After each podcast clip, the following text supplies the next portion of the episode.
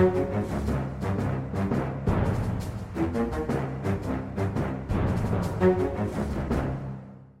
og da ønsker vi velkommen til en ny utgave av Aftenpodden. Jeg er politisk journalist Lars Glomnes. Med meg så har jeg kulturredaktør Sara Sørheim Hallo. og noen gjester i dag. Fordi vi er jo veldig opptatt av, eh, av politikk og drama i politikken. Og syns det er veldig spennende.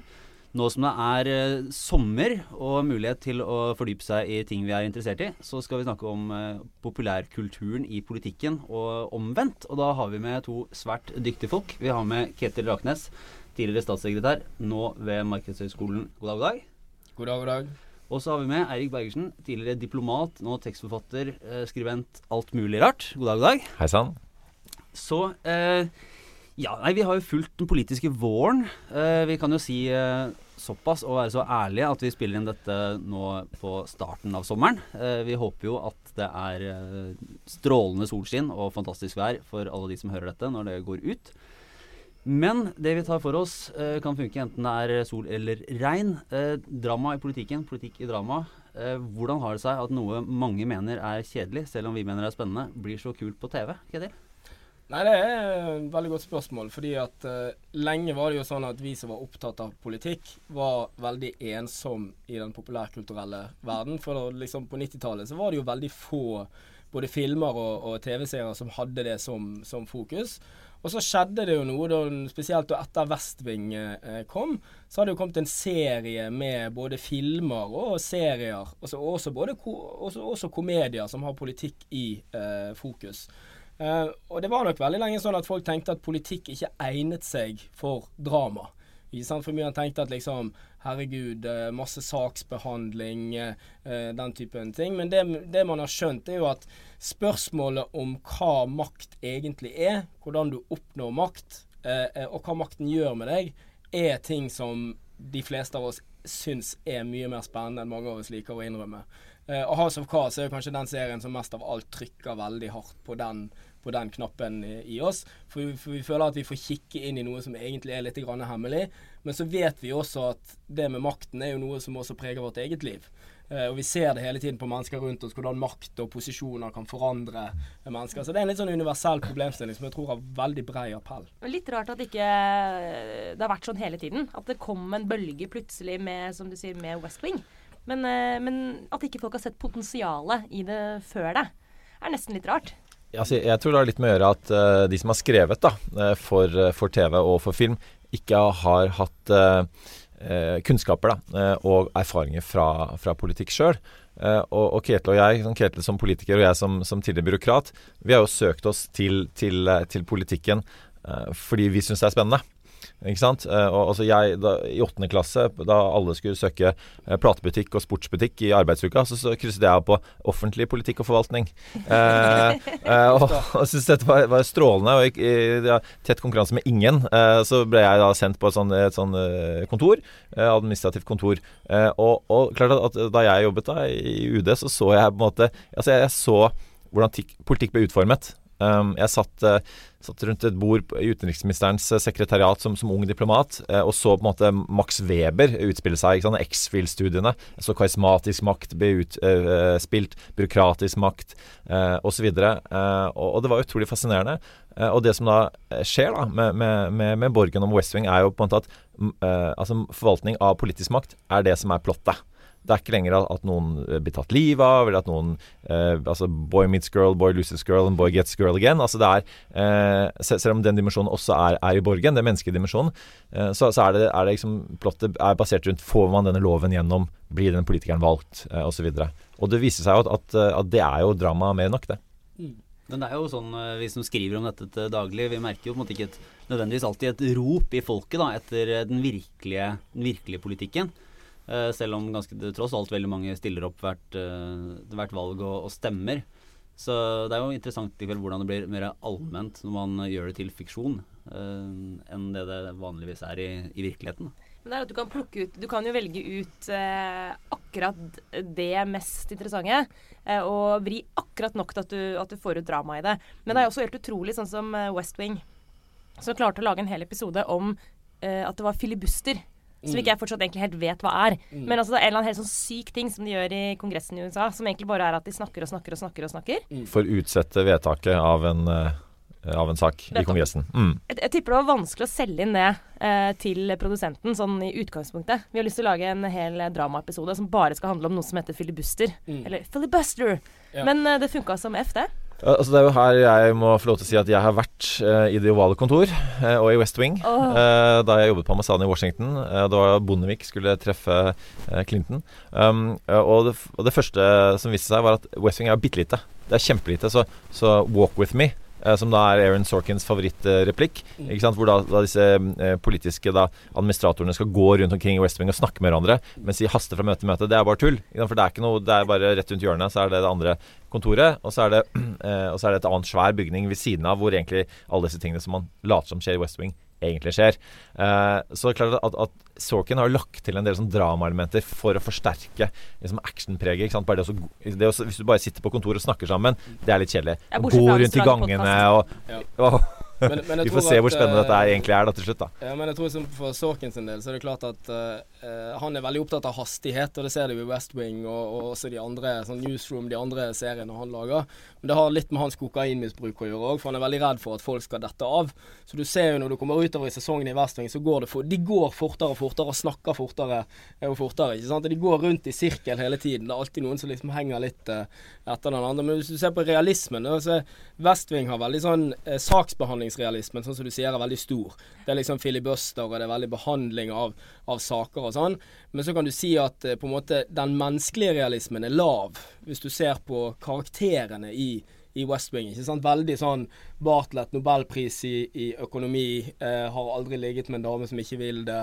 Eh, altså Han gjør Han er liksom eh, Bill Clinton og, og Franklin Delano Roosevelt i en sånn herlig kombinasjon, da. Og sånn drømmestatspresident som du aldri eh, kan få. Og Det ser du veldig mange av de andre karakterene i West Wing og bærer veldig preg av å være litt sånn Hvis alle som går på Harvard og Yale med doktorgrad jobber i Det hvite hus, så kommer det til å gå bra til slutt.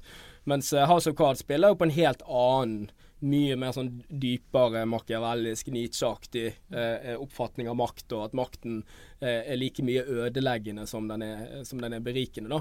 Og Derfor er det, tror jeg liksom at de seriene er morsomme, fordi at folk ser at politikk kan være veldig mye. Kan gjøre veldig mye ulike ting med, med, med mennesker. Og det synes jeg er Hvis man jobber med politikk sjøl, så tror jeg på en måte de seriene har åpnet opp en del sånn at folk har fått innblikk i bakrommet i politikken. da. Og det er jo der ofte de interessante tingene skjer. Og det, er- det, er jo er jaget etter makt som måtte er, igjen er, er plottet hele veien. Og i Borgen så er det på en måte eh, hvor mye må man ofre for å få makt.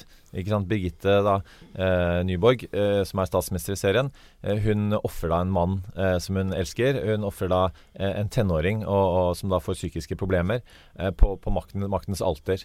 Eh, og, og det er på en måte Og det er klart at det er grunnen til at, Shakespeare skrev om, om kongen også, som var de som forvaltet politisk makt i gamle dager. Ikke sant? Altså Det skjer veldig mye spennende dramaturgisk eh, når man makt blir utfordret, og, og folk så, søker makt. Men du var jo i eh, Borgen, faktisk. Eh, I den fysiske Borgen, altså Christiansborg i København, under valget nå i, i Danmark.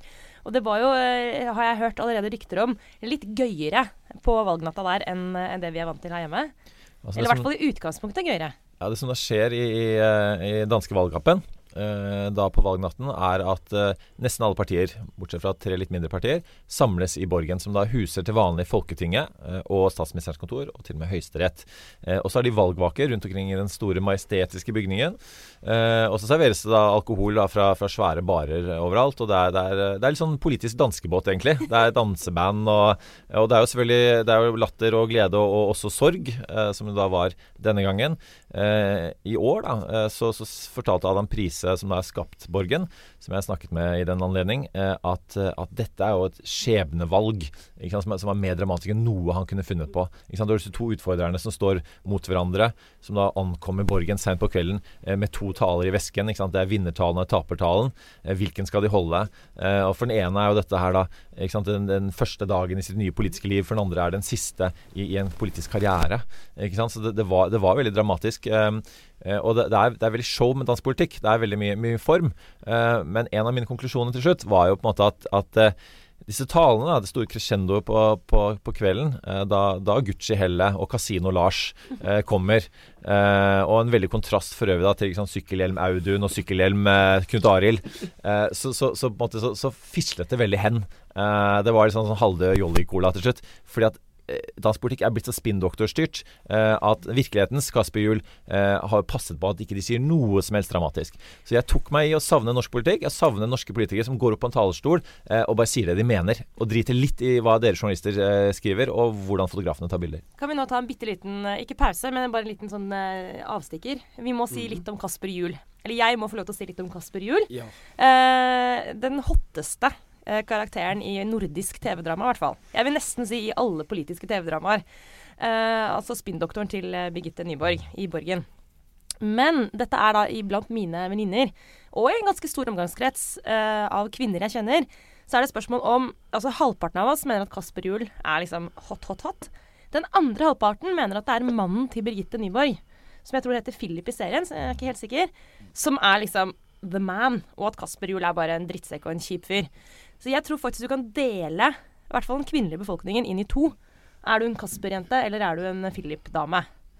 Har noen av dere menn her i studio har dere reflektert over akkurat denne problemstillingen? Ikke akkurat denne, men jeg lurer på om det kanskje speiler det som er forskjellen mellom de som liker West Wing best, og de som liker House of Card best. Da har du også Er det et sånn skille? Ja, er det ikke det? Altså, de som, de som liker, eh, de som ja. liker liksom den, der, den, den gode politikken og politikken i det godes tjeneste, eh, eller de som liker eh, drama og maktspillet og, og på en måte renkespillet i, eh, i, i kjernen av politikken. Jeg vet Men ikke om det jeg ligger der. Jeg tror alle som har jobbet sånn som meg som har jobbet som spinndoktor, så sympatiserer vi jo naturlig nok med Kasper Juel. Syns han er en fantastisk eh, karakter. Men det viser at altså Det geniale med Borgen, da, at de liksom klarte å ta opp sånn skandinavisk middelklasseproblematikk, og så splitte den kvinnelige og mannlige seeren foran skjermen. Sant? Hva syns du om sexnexen til Philip? Sant? Altså mange, mange vil jo synes, mange kvinner vil jo synes at det er dypt usympatisk, ikke sant? mens en del menn er litt sånn ja ja, men altså stakkars mann, han har det jo ikke lett. Uh, uh, så, så, den, så den klarte liksom å spille opp en del sånne motsetningsforhold, da. Eh, og det som jeg syns med Kasper Juel, da, uh, det er at den karakteren er tillagt en sånn dobbel bunn. Fordi at han kan ikke Hans spesialitet er å på en måte lage nye sannheter, ikke sant. Men så viser det seg at grunnen til at han er veldig god til det, er jo at hele sitt liv så har han skjult over den største uh, løgnen. Nemlig at han sjøl har blitt misbrukt så liten. Eh, så jeg syns at de klarte der å lage en karakter som hadde mange Som var sånn mangefasettert, og at hans evne til å håndtere virkeligheten og tilpasse virkeligheten bundet til noe mye sånn dypere og mer Det er litt sånn Ibsensk, ikke sant. At mange av karakterene i Borgen har noe i fortiden eh, som ligger der, og som da gradvis velter fram. Og Der syns jeg Borgen gjør en bedre jobb enn Westving i å skape karakterer som er litt ambivalent. Og det ser du med disse journalistene òg. De er litt sånn Ja, det er bra å være kommersiell, men samtidig har vi noen verdier. Men de, de tar aldri noen sånn veldig entydige valg. Sant? De må leve med disse og det tror jeg at mange som har jobbet med politikk eller journalistikk liker ved Borgen. Det er det at den gir ikke noe sånn Det er ikke, det er ikke så veldig lett. Det er sånn, Nå må vi lage podkast, for det, vi har en digital strategi. Eh, eh, og nå må vi, nå må vi liksom eh, Vi må altså, invitere noen ting. utenfra, for vi har ikke budsjett til å gjøre det sjøl. Vi lager en sending litt ja, tidlig på og sommeren. liksom, sende men av og til gjør vi noe kjempebra, så vinner vi Skuprisen og sånn, men noen dager så og Sånn er det jo for politikere òg, ikke sant. At det er en sånn det er en sånn avpasning, og det, og det liker jeg veldig godt med Borgen. At en liksom ikke tvinger gjennom sånn Det må på slutten være liksom sånn at å, de gode vinner, eller at liksom eh, the bad guys får det. Men at det liksom er sånn It's complicated. Eh, Men, men så gå litt tilbake til, til Saras todeling av verden, da, altså Philip-fans eh, og Kasper-fans. Så klart at det at Adam Prise, da, skaperen av Borgen, klarer å gjøre en helteskikkelse ut av en hjemmeværende mann som eh, haster fram og tilbake til barnehagen for å, for å hente, og ikke alltid klarer å ha middagen på bordet da kona kommer hjem. Eh, for oss som er gift med karrierekvinner, så er jo det fantastisk at det er en, eh, en person som man, man kan beundre. Um, og det er godt å høre at, at eh, den kvinnelige delen av, av dette panelet uh, beundrer han. Nei, Eh, å, eh, unnskyld Eirik, men du det er på altså Kasper. ikke. Det, da, Kasper. da falt hele mitt eh, livsprosjekt sammen. Eh, men, eh, men Kasper Juel er jo altså Det som er også spennende, som Ketil sier, er jo dette med at, at liksom, han- er jo han, han gjør kanskje det onde i det godes tjeneste. Eh, og så har du da Um, og, og, på sett og vis så gjør også da uh, Frank Underwood, da, uh, liksom presidenten i, i, House of Cards, det samme. Noen ganger gjør han det onde i det ondes tjeneste. Men det er en person man heier på. Og det, det er litt tilbake til dramaturgien i, i politikken. ikke sant? Altså Kan, uh, kan en, en, ond mann være en god politiker? Er ikke det noen ganger det som må til?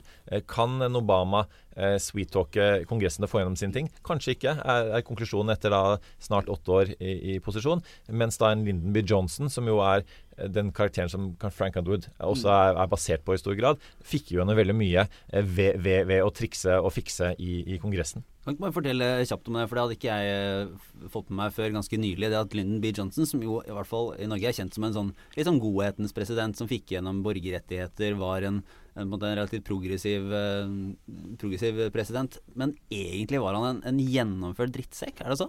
Altså Dette vet Ketil bedre enn meg, men jeg kan bare si det om politikken. Så altså, alt det Kennedy fikk eh, skrevet ned og prøvde å få gjennom Kongressen, av gode planer eh, som han ikke fikk gjennom. Og ikke bare fordi at han, han ble drept, men, men, fordi at han ikke hadde eh, den makten i Kongressen. Var det jo Lyndon B. Johnson som da tok og, og, fikk gjennom. Så det var ikke hans ideer, men det var hans måte å gjennomføre det på som gjorde at, at det ble, ble lover. Mm. Men altså, du kan Altså, Hva skal du si om Lyndon B. Johnson? Du kan si at uh, han i likhet med Richard Nixon var et sammensatt menneske som hadde motstridende krefter uh, uh, inni seg. Men det som er klart at Frank Underwoods historie, Lyndon B. Johnsons historie, i hvert fall i Kongressen, er basert på hverandre. For Lyndon B. Johnson kom inn som en ung representant i Kongressen og bygde seg da opp en maktbase. Eh, og måten han gjorde det på, var å kombinere sånn så du ser alle Det er jo et portrett av Lundby Johnson hvor han gjør den såkalte Johnson-treatment, hvor han lener seg innover en annen kongressrepresentant. Det henger jo inne på kontoret til Frank Underwood. Og den måten som Frank Underwood har mange av møtene sine på, er veldig inspirert etter den Johnson-metodikken. Som er en sånn blanding av 'jeg har gjort deg en tjeneste, du må gjøre meg en tjeneste tilbake igjen', 'jeg kan hjelpe deg med din eh, karriere', men samtidig at han gjorde så mye research, han visste mer om deg enn du visste om deg sjøl. Og dette var han i stand til å utnytte til å skaffe seg politiske fordeler. Og selvfølgelig at han var villig til å bruke den makten eh, når, det måtte, når, det skulle til. Men det jeg lurer på er, eh, er, ikke, er det noen i norsk politikk som eh, har liksom tendenser til å kunne være sånn og jobbe på den måten? Jeg føler at her er alt så streit. Det er lite sånn ta en mann, presse han opp et hjørne og si sånn du vet du skylder meg en tjeneste i lukkede rom. Skjer det? Dere har jo vært rundt bordene hos diverse mennesker med makt jeg, jeg, tror at du kan si at uh, uh, f.eks. Jens Arup Seip skrev jo om, uh, om Einar Gerhardsen at Gerhardsen var en mann som kunne skyte når noen måtte dø. Altså Hvis du ser på Arbeiderpartiet, liksom den indre, maktkretsen i Arbeiderpartiet i etterkrigstiden, perioden 45 til 63, mange House of Cards-episoder hvor folk får beskjed om du kan ikke være statsråd. Oskar Torp, f.eks. Tror ikke han følte seg så jækla smart når liksom Einar Gerhardsen fant ut at nå er du ferdig, nå får ikke du være statsminister lenger. Altså sånn, og da var det jo reelle sånne ting at det var noen som snakket sammen og fant ut en, noe, noe, og så ble det gjennomført. Og folk ble fortalt hva de skulle, skulle eh, mene. Og det er klart, der du kommer nærmest der i dag, er såkalte interne partioppgjør. Interne partioppgjør det er der de brukes de styggeste virkemidlene, både medier altså Ta f.eks. en TV-serie om kampen mellom Jagland og Stoltenberg. Sant? Jeg snakket jo med en VG-journalist en gang, og så sa jeg dere skriver mye om den saken. Så bare sånn Ja, du skulle sett alle de sakene jeg ikke skrev. Ja, ja. Alle de sakene jeg fikk tilbud om å skrive, som vi som av etiske hensyn bare la vekk fordi at vi syntes det var for stygt. Og nå er jo Ketil inne, inne på, på, et poeng da, som er, som, som er eh, godt formulert av Michael Dobbs, som, som, skrev House of Cards, og som da den opprinnelige britiske versjonen, eh, og som da var politisk rådgiver for, eh, for eh, Margaret Thatcher, og ble faktisk kastet ut på en ganske brutalt vis. som da var på nordiske mediedager for noen år siden, og sier da at, at jeg blir spurt hvordan skriver du House of Cards, og så sier han at jeg tar virkeligheten og så tar jeg bort det mest absurde, for det blir ikke troverdig. Uh, og, og, det gjelder når jeg skriver politisk satire òg. Det er klart at Noen av vitsene er jo på det ferdigskrevet. Når da Per Sandberg uh, møter opp på, på, landsmøtet i Good Journey-T-skjorte uh, for å debattere båtflyktninger. Så, sånn at det er I virkelighetens politikk er råere. Og det, det, er noen ganger dere journalister klarer å, å, å, dokumentere det også. Og så er det mye som skjer som, som ikke blir dokumentert. Um, men, men, men et eksempel på det også er jo da i West Wing, da, de, da Aaron Sorkin oppfattet en karakter som het Matt Santos. så var var en, en latinsk da, representant, um, som var basert på Barack Obama sin da opptreden på um, demokratiske kongressen da, et par år før han, han stilte som presidentkandidat. Um, og Sorkin ringte da til, til, til folk i Demokratene som hvem er denne Barack Obama?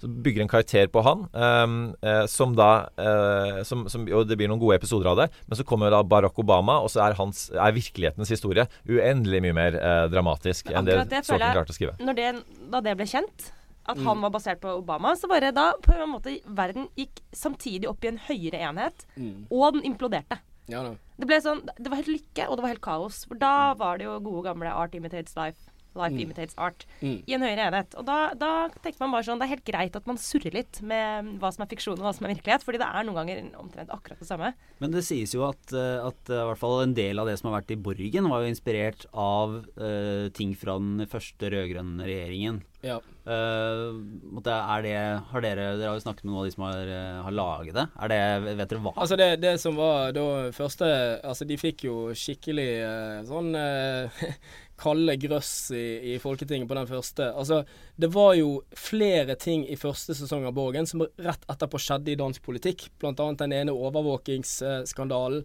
Det med at de hadde hatt en mulig avtale. Det, det, det ene episoden handlet jo om noe knytta til Grønland. Da kom det jo Wikileaks rett etterpå som viste at det hadde gått fangetransporter for CIA eh, eh, til Grønland. Så, var, så, så, Borgen traff jo Det var jo det som var veldig bra med den første sesongen. Borgen Han traff spot on på en del ting som nesten spilte seg ut i virkeligheten. Noen av de episodene helt likt uh, uh, etterpå. Og det er jo nettopp derfor uh, disse seriene er veldig fascinerende. Fordi at ja, du kan si at det er, det er fiksjon, sant? men samtidig så ser du at de speiler jo noe reelt ute i verden. da og den tingen som jeg, hvis jeg skal si det, det er to veldig fascinerende ting. Det ene er med makten. Det andre er jo det som dere journalister, altså egentlig statsvitere og historikere, egentlig ønsker. Det er jo innsyn på baksiden. Sant? Og Det er det veldig sjelden vi har fått. Det, eneste, det beste eksempelet vi har, er jo Nixon Tapes. Som er liksom 3000 timer med direkte opptak av en rimelig forstyrret person som, som styrer verdens mektigste eh, land. Uh, uh, banner, og, og, det er jødehets. Og, ja, og, det folk ble liksom Folk ble sjokkert over med Nixon-tapes. Det var jo egentlig ikke det politiske. Det var jo at han sa 'motherfucker' og 'son of a bitch' og snakket nedsettende om jøder og afroamerikanere i, i annenhver uh, setning. Så så du har en sånn Det fins et rom da i politikken som veldig få har tilgang til, og som veldig få ønsker å, å snakke om. Og det gir disse seriene en tilgang til, eller de gir det i hvert fall en idé om hva som kan foregå i disse eh, eh, rommene. Og det er det på en måte jeg tror mange av seerne syns er så gøy, da. Det er liksom at det er akkurat som du drar vekk et teppe, og så bare her her. Og så er det liksom innerst inne så handler det om veldig viktige ting òg. For det handler om hvordan våre samfunn dypest sett styres. Sånn, for, eh, for, en som er opptatt av britisk politikk, da, så har jeg jo lest uh, disse dagbøkene som jo er uendelig lange til Alistair Campbell, som var spinndoktor for, ja. for, Tony Blair. Mm. Og, og, den virkeligheten han beskriver om disse maktkampene og de liksom primadonna-nykkene blant disse toppene i, i, Labour på det tidspunktet er jo helt ellevilt. Og alt, alt, dette er jo eh, Du vil jo ikke tro at noen som skal styre et land, holder på med sånn kjekling og små maktkamper og hele tida et eller annet som trekker dem fra hverandre. da. Mm. Så lever de et sånn dysfunksjonelt ekteskap, alle disse forskjellige, da, med Blair og Brown og Mandelson og, mm. og Prescott og hele gjengen. Men, men, men, jeg tenker altså at det er, jo, det er jo sånn politikken er. Liksom. Det er jo personer som, som, som da ønsker å eh, ikke bare oppnå makt, men å få gjennom noen saker eh, så, så, som, eh, som, da befolker politikken. Og, og, og, når de da stiller opp på, på TV-debatter eller, eller, da å og snakker med, med avisjournalister, Um, så, så, så, har de gjerne tipunktsprogrammer som er skrevet da, av noen uh, politiske rådgivere, uh, som måtte er som fjerner alt det personlige. Og Du glemmer noen ganger uh, at det er personer som står og snakker, og at det er personer som sitter i møtene. Uh, men, men, det tror jeg er, er en forledning. Uh, fordi, fordi, til syvende og sist så er det, er det på en måte da de verdiene de tar med seg inn, inn i politikken, som er det som, som avgjør utfallet av politikken. Jeg tror kanskje at, at den type dramaserier da, er med også utdanne folk litt grann, da, på hvordan demokrati blir, blir utøvd. Um, og det viser undersøkelser viser jo også at, at at folk blir uh, noe mer motivert uh, til å engasjere seg i politikk. Og ikke minst de får, får en del kunnskaper om hvordan politikk fungerer. Uh, dette med, med filibusting ikke sant, i, i West Wing-episoden. der var det veldig mange som ikke visste hvordan det fungerte, eh, før, før, de da ser denne episoden. Vi um, vi kan jo kanskje si Lars, at neste episode av Aftenpodden skal handle om våre favoritt-TV-serier uh, om politikk. Men, uh, men, før vi slutter denne runden, uh, kunne vi sett for oss at man kunne lagd et skikkelig bra TV-drama av norsk politikk akkurat nå, eller de siste årene? Vi mangler jo Den norske borgen. Er det noe, er det noe som skjedde denne våren som faktisk skulle funka i en eh, TV-serie? Jeg har et veldig bra innspill der. Det er jo den liksom, politiske sitcomen Trude, som handler om en ordfører i Bergen som er fra Nord-Norge. Lever et litt outrert liv. Har bl.a. en mann som er dømt for økonomisk kriminalitet. Pleier tett behandling med skipsredere og andre rike mennesker uten at hun alltid har helt kontroll. Men er veldig glad i fest og liv og moro. Og ikke minst gir av seg sjøl i alle situasjoner hele tiden. Det tror jeg kunne blitt en, eh, det tror jeg kunne blitt en vinner. Jeg, jeg sa veldig sansen for den, men jeg tror det da ville vært mer en sånn Spin City-variant av politisk ja, komedie. Sånn, eh, litt sånn, litt sånn Solsidan ja. goes political, ja. sant? Mm. Uh, altså jeg, jeg kanskje ser en Carl og co. for en del år siden. Uh, altså Per og co., kanskje. Per Sandberg på bakrommet. Uh, som sitter og jazzer seg opp kanskje med en akevitt før han skal på Stortingets talerstol. De kunne jo bare beholdt hele scenografien i Carl og co. Rett og slett. Ja. Kanskje noen av personene også kan man kjenne igjen i rådgiverkorpset? Hver episode starter med at Per Sandberg kommer hjem fra Stortinget og litt sliten, og har et par ting han gjerne vil ta opp med, med, med de han bor sammen med. Det hadde jo vært en helt kanonbra. Den ville jeg sett, faktisk. Skal jeg begynne å skrive også, på nå med en gang etter ja, sendingen er ferdig. Men hvem som skal spille Per Sandberg? Jeg tror altså, Per Sandberg må spille Per Sandberg. Ja. Eller har vi noen uh han Basmo uh, Sminke opp han Basmo Christensen. Ja. Basmo, han altså, er vant til å gå inn i roller hvor han må liksom uh, Jeg tror fall at, at, det er, jeg tror at det er ingen norske skuespillere som har nok register til å spille Trude Drevland, i hvert fall. Så ja. hun må spille seg selv. Det må være en dansk eller svensk skuespiller som må spille Trude Drevland, tror jeg. Ja. Max von Sydow, tror jeg Max von Sydow. Ja. Ja. det, var, det, var, veldig friskt. Men eh, nei, jeg, jeg tror at, at, hele denne, dette Senterpartidramaet og den maktkampen mellom Liv Signe Navarsete og Ola Borten Moe mm. Der mm. ville det vært mye rart, altså. Alt fra det som dukket opp med liksom, Ola Borten Moe, en sånn ambisiøs, litt sånn tenkende nestleder som eh, stadig har sine egne tanker om Olje-Norge og eh, feirer med sånne badstue, eh, improviserte badstuer på hotellrommet sammen med den nære rådgiveren sin og eh, journalister. Ja, ja så liksom eh, nachspiel-badstue, sant. Ja. ja. Og, mm. og, fantastiske sånne krangler der Liv Signe Navarsete da skal ha ja. liksom skjelt ut ungdomspartilederen på, på mm. seminar og, og, masse oppvaskmøter, og, og ikke minst Navarsete som stilte opp på, på Politisk kvarter morgenen etter en av disse mm. seansene og snakka litt over seg, og så beklaga seg etterpå fordi hun har vært for lenge på fest. Mm. Det, jeg vet, det, er masse å ta av. Ja. Det, det, er enormt mye bra materiale i norsk politikk. Jeg må bare fortelle en, en, en av mine beste opplevelser. Beste og verste opplevelser på lands, siste landsmøte når jeg jobbet i, i, SV.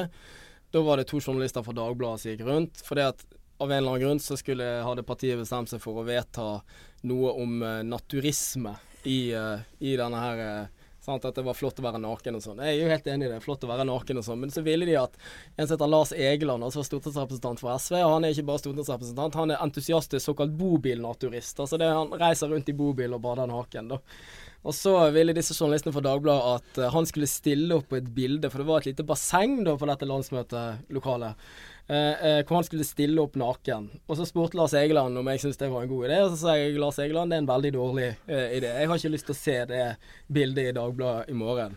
Og jeg ringte til han, og så skulle, gikk jeg på, hotellrommet og la meg, og så sa jeg til hun kommunikasjonssjefen før jeg gikk og la meg at bare, bare, det der Lars Egeland-greiene, det, det, det bare setter du propp inn i. Jeg skal ikke se det bildet på trykk. Og så kom jeg på middag om kvelden, og da satt jeg ved siden av disse Dagbladet-journalistene. Og de satt og lo og skoia, og det virket som de, liksom, de hadde vunnet den store SKUP-prisen. ikke sant? Poenget var at da hadde de klart å få med seg Lars Egeland på en eller annen måte. Det var jo veldig, Jeg måtte gi de anerkjennelse. Det var veldig bra journalistisk jobb å overbevise han om at det var jo hans egen interesse å stille naken i avisen. Det syns jeg var veldig sterkt. Men når jeg kom ned i landsmøtesalen dagen etter og, og, åpnet den avisen, så jeg, jeg, jeg, jeg satt lo i ti minutter. Altså, det er det villeste bildet. Det er en mann som hopper opp, altså, med åpen munn. og liksom Åpne ben, skal og si. åpne ben og tissetassen framme. Ikke sant? Og spriker med beina over et basseng.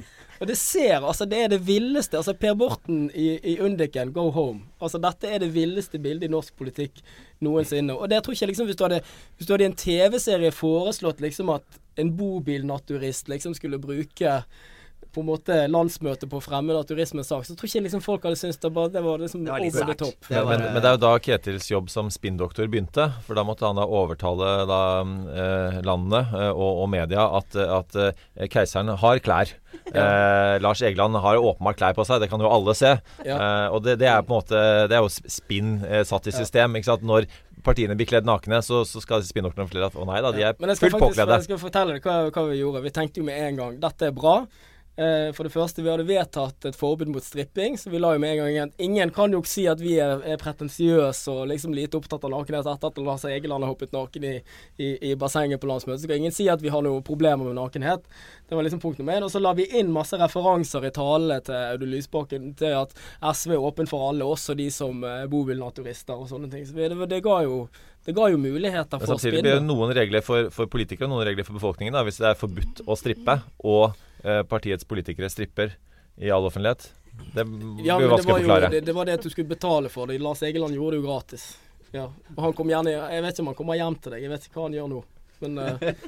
Kan ringe Egeland. Kjører han bobilen og hopper i bassenget ditt. Mm. Tror kanskje vi skal runde av denne eh, lille populærkulturelle spesialen for denne gang. Men vi kommer da tilbake neste uke med vår eh, gjennomgang av de aller, aller beste seriene og eh, politikkens beste inntredener i populærkulturen. Så da kjører vi litt kåringer og litt opplegg der. Og så takker vi for oss for denne uken. Jeg var Lars Glomnes. Med meg hadde jeg Sara Sørheim, Eirik Bergersen og Ketil Raknes. Takk for oss. Ja, og så kan vi ta med en liten ekstra beskjed. Hvis du hørte på podkasten denne uken i iTunes, så kan du jo også gå inn og abonnere. Da får du den neste utgaven rett i telefonen din uten å måtte gjøre noe som helst. Eh, Det gjør du ved å søke på Aftenpodden i eh, iTunes-søkeren, og så er det bare å trykke på abonner og vente på neste utgave. Gi oss også gjerne en stjernerating i iTunes hvis dette er noe du vil anbefale til andre.